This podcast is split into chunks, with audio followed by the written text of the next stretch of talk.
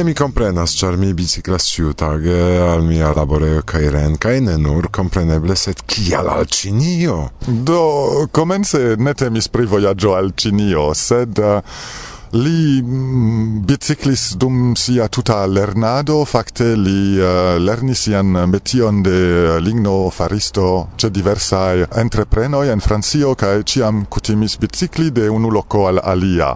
Kai iun tagon li legis annonson en sennaciulo de germana camarado kiu diras mi serchas um, ehm, camaradon kiu desiras kun mi bicicli tra la mondo. Kai do per aer diris do bona ideo. Do li scribis al tiu homo prenis la biciclon biciclis al Dresdeno kie logis la alia. Kai um, poste ili decidis kune forveturi tra Europo al Sovetunio. El kiu urbo li estis? Li estis el suda Francio, sed tiam laboris en Liono, do um, traieris uh, tutan Francion, Germanion, gis Dresdeno, kai la vera esperantista voyaggio komenciĝas en Dresdeno, kiam ili kune forieras tra Pollando, Rumanio, Ukrainio kai poste Sovetunio. Estis iu clara ideo pri Cinio au estis simpla hazardo che ili ne conas la regionon de la mondo do ili desiras ekoni? Ce la comenzo ne temas pri Cinio, temas pri voyaggi al Sovetunio cae poste eble al Centra Asio au al Azio la, la plano ne estas vere clara ca ili ancao disigis facte, ni diru en la parto post Ukrainio, cune traieras Ukrainion, ca disigas la germana samideano decidas veturi al Irano kai poste veturos Egipto kaj eh, Nordafriko, Hispanio revenos el suda Francio al Germanio kai per ne ricevas vizon, tio estas la oficiala kialo de tiu disigio ne ricevas vizon por Irano kiel Franco kai do decidas kun la rusa esperantisto kun ilia helpo daurigi la vojaĝon tra Siberio ĝis ekstrema oriento. Restis pure do kion interesan li rakontas? Fakte li rakontas multegon, sed eh, uh, gis antau nelonge oni pescao nenion sciis pri tiu vojaggio, do aperis quelcae brosuretoi en la sepdecae ogdecae jaroi, ili estis eldonitai de um, sat brosus servo, en la franca kaj en Esperanto estas broŝuroj um, tridek, okdek paĝaj kaj se oni legas ilin do oni pensas nu bone estas iu kiu biciklis al la alia flanko de la mondo kaj pli ol tio ne multe pli. Kai antau du jaroj mi malkovris en biblioteko, estas urba biblioteko de lia loĝloko eh, en suda Francio, ili havis iam pli densan manuskripton en la franca pri tiu vojaĝo, kiun Perrin redaktis en la sepdekaj jaroj, la fino de la sepdekaj jaroj kiun li sendis ankaŭ por konkurso de Franca Radio por uh, libroj por junuloj estis tiu konkurso. Li ne venkis la konkurson, sed en la legado de tiu tricentpaĝa verko ni komprenas ke li havas ion alian por diri pri la mondo, pri la vojaĝo. Kaj en tiu manuskripto li ankaŭ diras ni ĉi tie concise scribas kion mi havas sur miloi da pagioi en mia hejmo. Do mi comensi serci tio in miloi da pagioi, in ne kie ili trovigas. Char mi volis scii pli pri la voyaggio, pri la detaloj, pri kiun li rencontas, kaj kial li faras tion tutan voyaggion. Kaj tiam mi komencis iomete mm, serĉi en la franca Esperanto medioj kiu povus havi spuron pri tiuj dokumentoj kaj relative rapide alvenis novaĵo de Esperanto France en Parizo, la asocio ili havas grandan parton de tiuj dokumentoj kaj tio estas la bazo do de nia nuna laboro de prilaboro de tiu reta muzeo kiun ni baldaŭ kreos. Do kun helpo de rusa esperantisto li atingis Siberion. Ĉu ciam survoje li recontadis esperantistoja. Do, fakte li biciclas uh, sur la reloj de la Transsiberia fervojo, ĉu ne? Ne estas vere ŝoseoj, vojoj en Siberio, la nura maniero estas bicicli per iu speciala maŝino kiun li inventis, kiu ricevis la permeson uh, de la autoklubo en Moskvo, do li sekvas vere la vojon de la transsiberia fervojo kai alvenas al Manchurio do nerekte al Mongolio kai Harbin poste reeniras Sovetunion por eh, enŝipiĝi al Japanio. Granda parto de la voyaggio estas bazita sur tiu helpo solidarezzo de esperantistoj, ĉu ne en Orienta Eŭropo, en Sovetunio, en Harbin, en Manchurio, en Japanio, en Cinio, en Cantono almenao, cae do la tuta voyaggio io estas suffice frenesa se oni pensas pri gi, char li atingas Indonesion en Sumatro, kie li estas acceptita de esperantisto ancao. Ni havas ankaŭ bildojn, fotojn de tiu restado. Ne estus ebla sen tiu uh, reto de esperantisto, fakte. Kai reto ne existis tiam. Ne, estis leteroj, li havis ancao la sat adresaron, kai fakte progresas de unu punkto al alia punkto do la homo povas indiki kiu en la venonta urbo aŭ en la mm, venonta regiono povos helpi gastigi lin tune kai tio multe funkciis ne estas lia nura maniero voyaggi compreneble foje li estas ancao helpata de alia reto exemple en suda cinio de la katolika reto sed estas vere essenza elemento de lia voyaggio kai de lia progreso tiom diversa lando kiu estas antaŭ la milito ĉu ne kaj finfine li revenis hejmen mm. Do li revenis eh, en 32 al Francio, ne per biciclo, li revenis per traino, restis eh, calcain monatoian de nove en Sovetunio, ca fine atingis Francion. Oni povas facile esplori la gazetoin de la tempo, en sen naziulo aperas quelcae raportoi de lia voyaggio, set tre tre malmulte, aperas ancao en uh, la japana esperanto gazetaro de la tempo kelkaj articoloi liai, sed uh, la granda parto de la ancora o existanta e manuscripto troviĝas en la posedo de Esperanto France kaj temas pri tiu nucleo pri kio mi parolis. Da imago che mi estas esperantisto el Sumatro, kiu ŝatus vidi la foto in el antaŭ fakte centiaroj. Kie oni povas trovi tion? Ĉu estas ien la reto? Do estos baldao. do momente ni ciferecigis la tutan materialon, temas pri pli malpli 6000 bildoj do bildoj ankaŭ de paĝoj de manuskriptoj sed en tute ses mil kiuj dividiĝas en ni diru tri corpusoi de racconto de la voyaggio. Uno estas en stenografio li liai notoi dum la voyaggio. Estas poste alia corpuso en la franca lingvo kiun li changis adaptis completigis eh, eh kai li faris same grandan tradukon al Esperanto kio denove estas prilaborita versio, ĉu ne? Do estas tri versioj de la sama vojaĝo per diversaj lingvoj kiuj celas malsimilajn publikojn do li ne verkas same por la francoj kaj por la esperantistoj. Estas sufiĉe interese ankaŭ kompari ilin kai ni ciferecigis tiun tutan materialon kai nun pretigas la retejon kie oni povos konsulti documento in la geografia mapo la tema serĉado kai tiel plu. Sed uh, iom da pacienco ancora oni bezonas antaŭ oni vidos tiujn uh, dokumentojn ĉu ne? Do kial vi ekinteresigis pri tio? Unue kaj due kadre de io okazas tiu digitaligado de la materialo ĉar estas multaj aferoj kaj multkosta afero mi pensas. Jes estas relative multkosta afero kiu postulas ankaŭ kompetentecon de diversaj homoj kiu non devas kunlaborigi por komuna celo ĉu ne?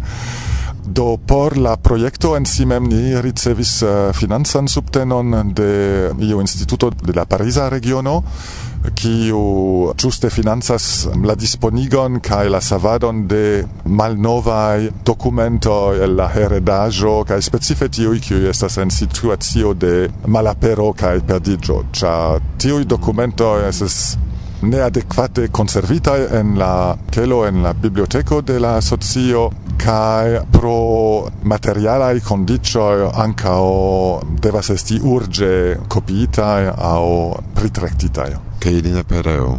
Che ili ne pereu. Do facte el tiui caieroi ni ne trovis la originala in caieroin, ni trovis leteroin en kiui Perer annonsas che li donatis al diversaj Esperanto asocioi en Francio siajn originalajoin, sed uh, neniu plus cias kie ili troviĝas, do tio estas perdita verŝajne.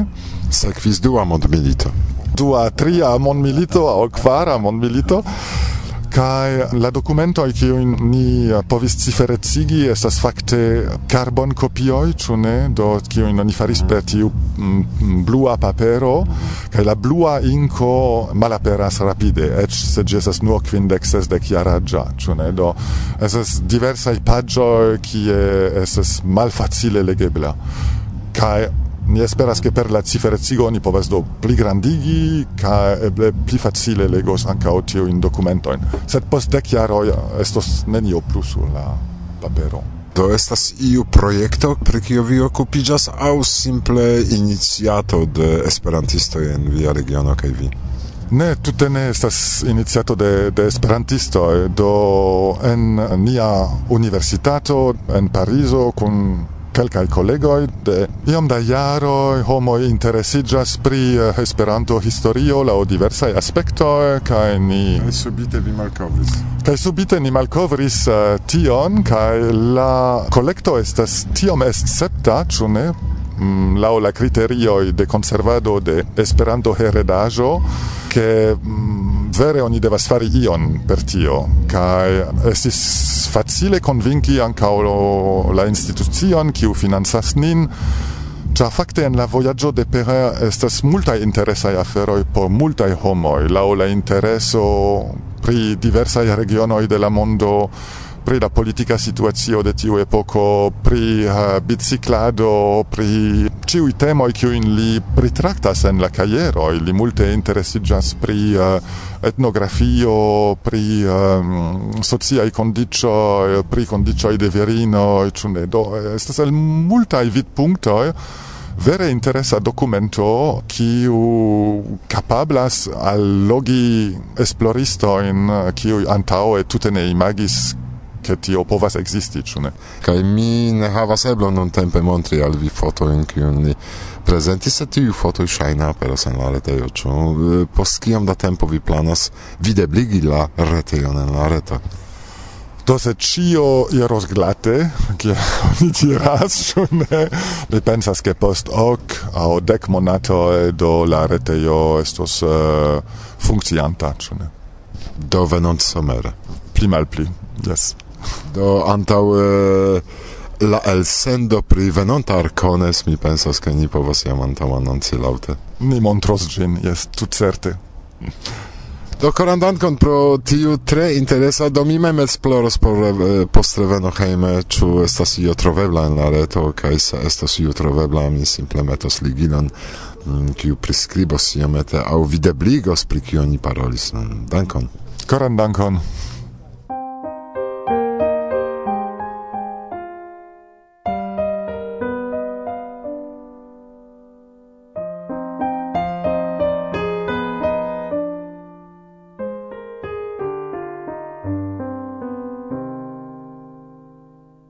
verkis canzonon pri tiu propono de sengenera tria persona pronomo ri char mi audis pri tiu propono de iu esperantisto mi memoras estis dum jes renkontiĝo kai mi vere vere shatis tiun eblecon paroli lingvon en kiu oni simple ne indicas la socian genron de la homoj.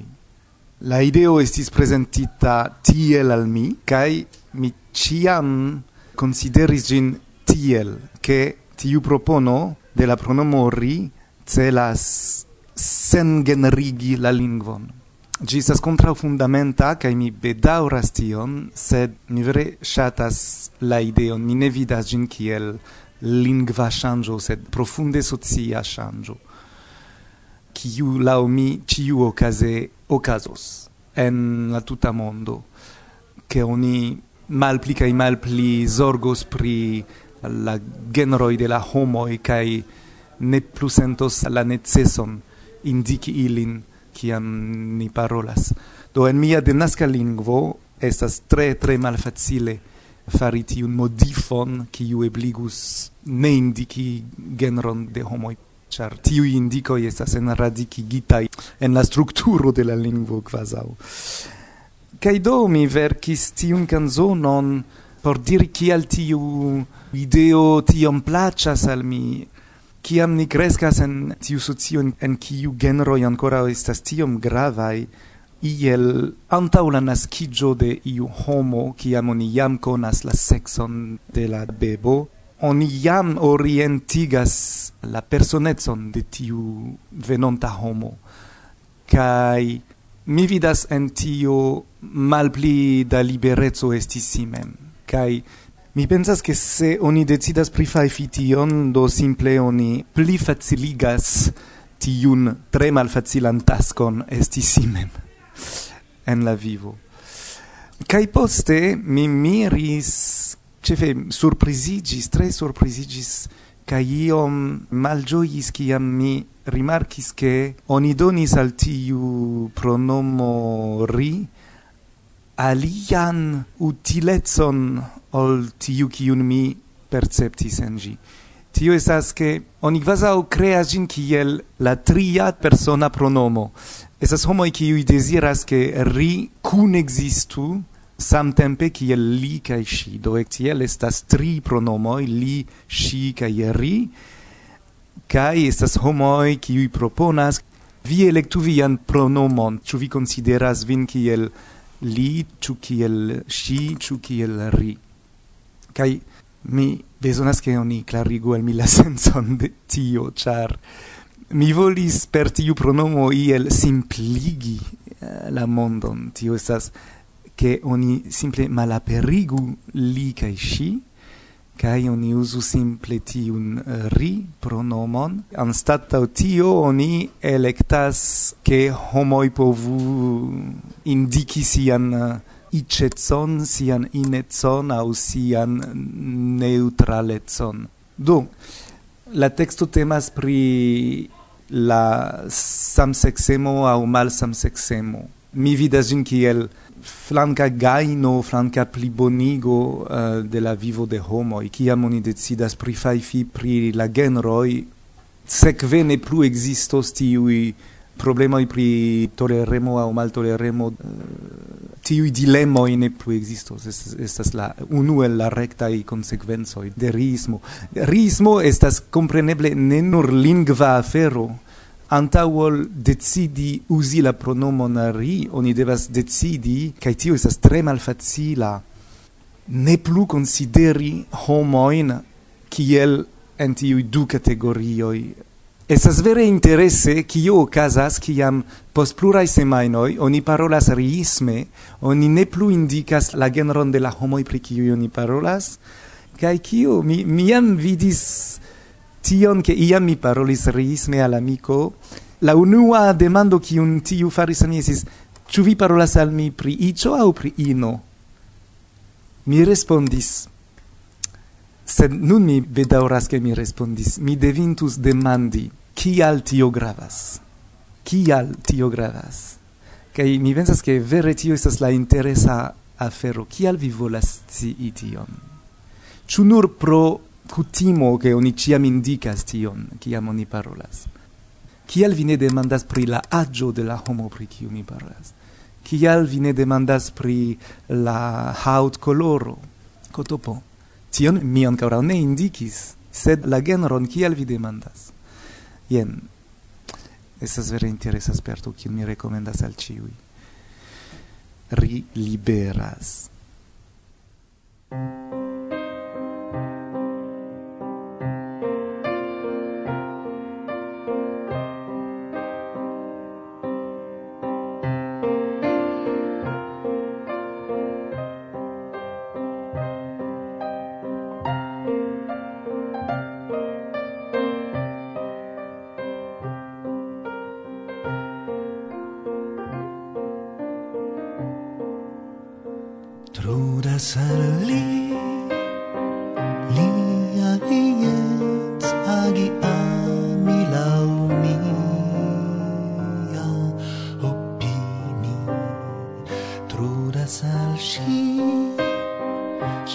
Mashiach ne electi lausia,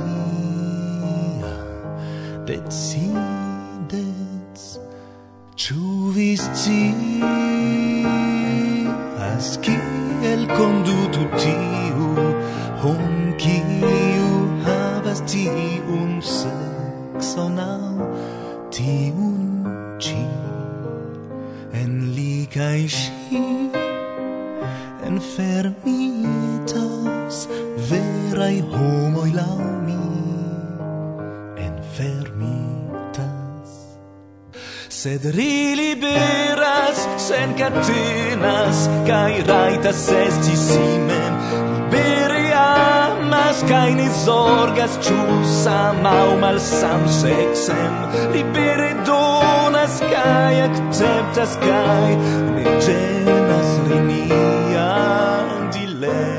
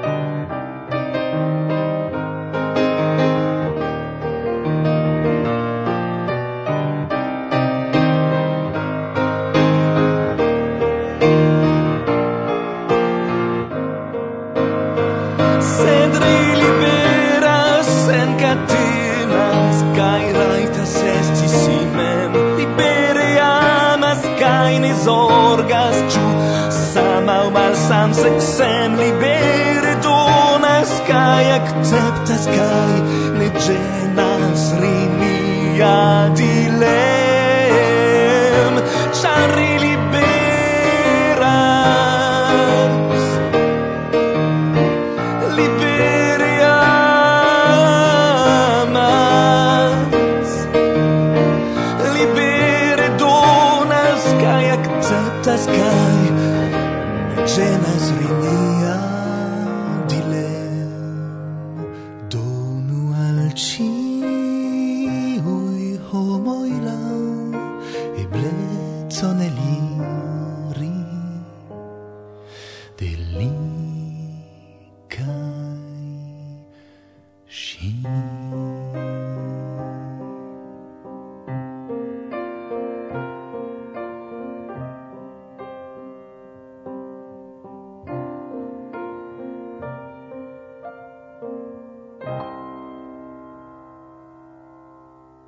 Saluton. Mi estas Kent Huff el Cincinnati, Ohio, Usono, kai mi estas la autoro de Anto Yujo kai Angoro. Imagu kiel vi sentus se ciu tage vi estus devigita mensogi pri viai naturai sentoi, kai kashi viain verain emotioin. Imagu la frustrigion cae confuson cium vi spertus. Imagu kiel vi sentus se vi ne povus diri al iu ein viain pensoin, ciam casciante tiuin sentoin plei proxime al via coro. Imagu veran soletson. Mia libro Anto Iugio cae Angoro reflectas miain plei profundain pensoin cae corain sentoin pri tiu situatio. La basa messaggio de mia libro estas che ni ne devus esti devigitai mensogi al ni mem, cae ciui devus sii pri nia situatio. La silento devas esti rompita. Neniu devus esti devigita farigi iu ciun liau si ne estas. Ciu homo havas la raiton vivi lau sia naturo, cia ein tiu naturo estas. Se la leganto de mia libro comprenas tiun messagion, tiun angoran crion de mia coro, mia celo estas plenumita. En manatse octec kvar mi partoprenis mian unuan universalan congresson, la sestec nauan en Vancouvero, post tri semainoi da intensa Esperanto studo en San Francisca Stata Universitato. Mi lernis la plej grandan parton de mia Esperanto scio tiam. Mi ankaŭ eliris la ŝrankon ĉe la sesdeknaŭa uko. Mi anamigis tie al Esperantisto, kaj la ardo de tiu sperto kaj la sperto lerni Esperanton nutris la flamon por verci la libron. Post ciam mi finis la unuan eldonon de citiu libro, mi tamen ne vere publicigis cin. Mi dolore taipis cin mane per taipilo, cae mem compilis la libroin, cae sendis du exempleroin al amicoi. En la jaro du mil, mi decidis cifretsigi la libron, cae meti gin en la interreton kiel podofo dosiero, sed tamen tio ne estis vera eldonajo. Nun mi vere publicigis la libron. Citiu tria eldono de Anto Iugio che angoro estas celo dum multa jaroi.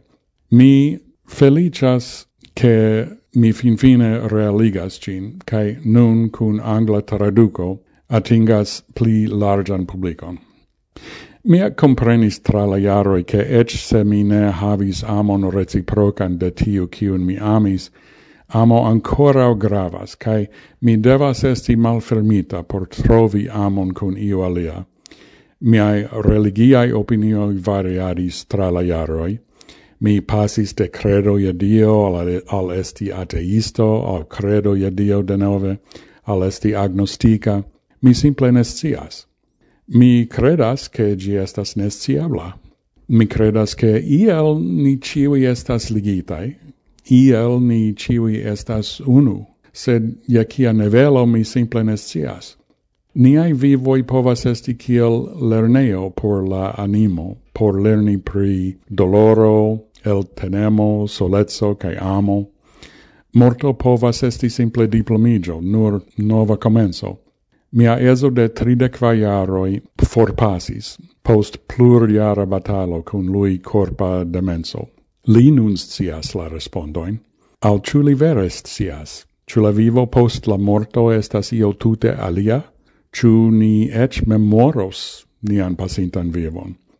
En la hodiaua mondo junuloj ne alfrontas tute la saman situacion cion mi alfrontis crescante gea en la sudorienta Usono en la sepdekaj kaj okdekaj jaroi, sed se mia libro helpas unu homon ami cae respecti sin pro tio, cio riestas, mia celo estas plenumita. Neniu iam ajn devus senti che ili devas cashi sin en la ombroi au timi presenti sian autentan memon en sia ciutaga vivo. Mi aldonis al citiu tria eldono sectioin por ciu iardeco de mia vivo por doni al vi bildon pri tio cio conducis al mia vercado de la libro mese de la octeca iaroi, cae cio ocasis en mia vivo poste mi anca traducis la esperantan texton en la anglan cae completis la raconton. Mi nun desiras legi por vi poemon el la libro, ci Semo. Mi sopiras la senton. Suno subiranta, strando sen vestagiula, sun lumo sur la dorso, sovagia sonjo somera. Spegulas la oceano, Siblo blova sablon sub la sancta signo del suno. Speciala spezzo desperto sendis min sencese enen. Socio savas se vi servas, sed se secretas sequas simple damno. Spiras mi la semon de la suno, semo quiu donas fortezon fronti, spiti la strangan socion, stari super sen sensezzo. Mi esperas che vi legos, che giuos mian libron. Dankon pro via tempo.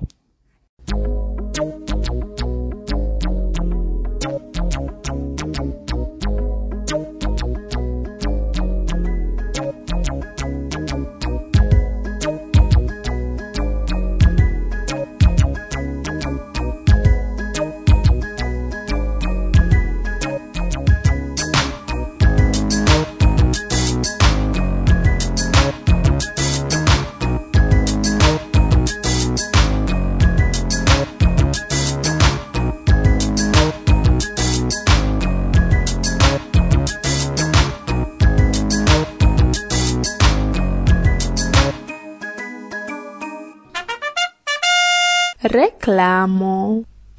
Mancas reklamo.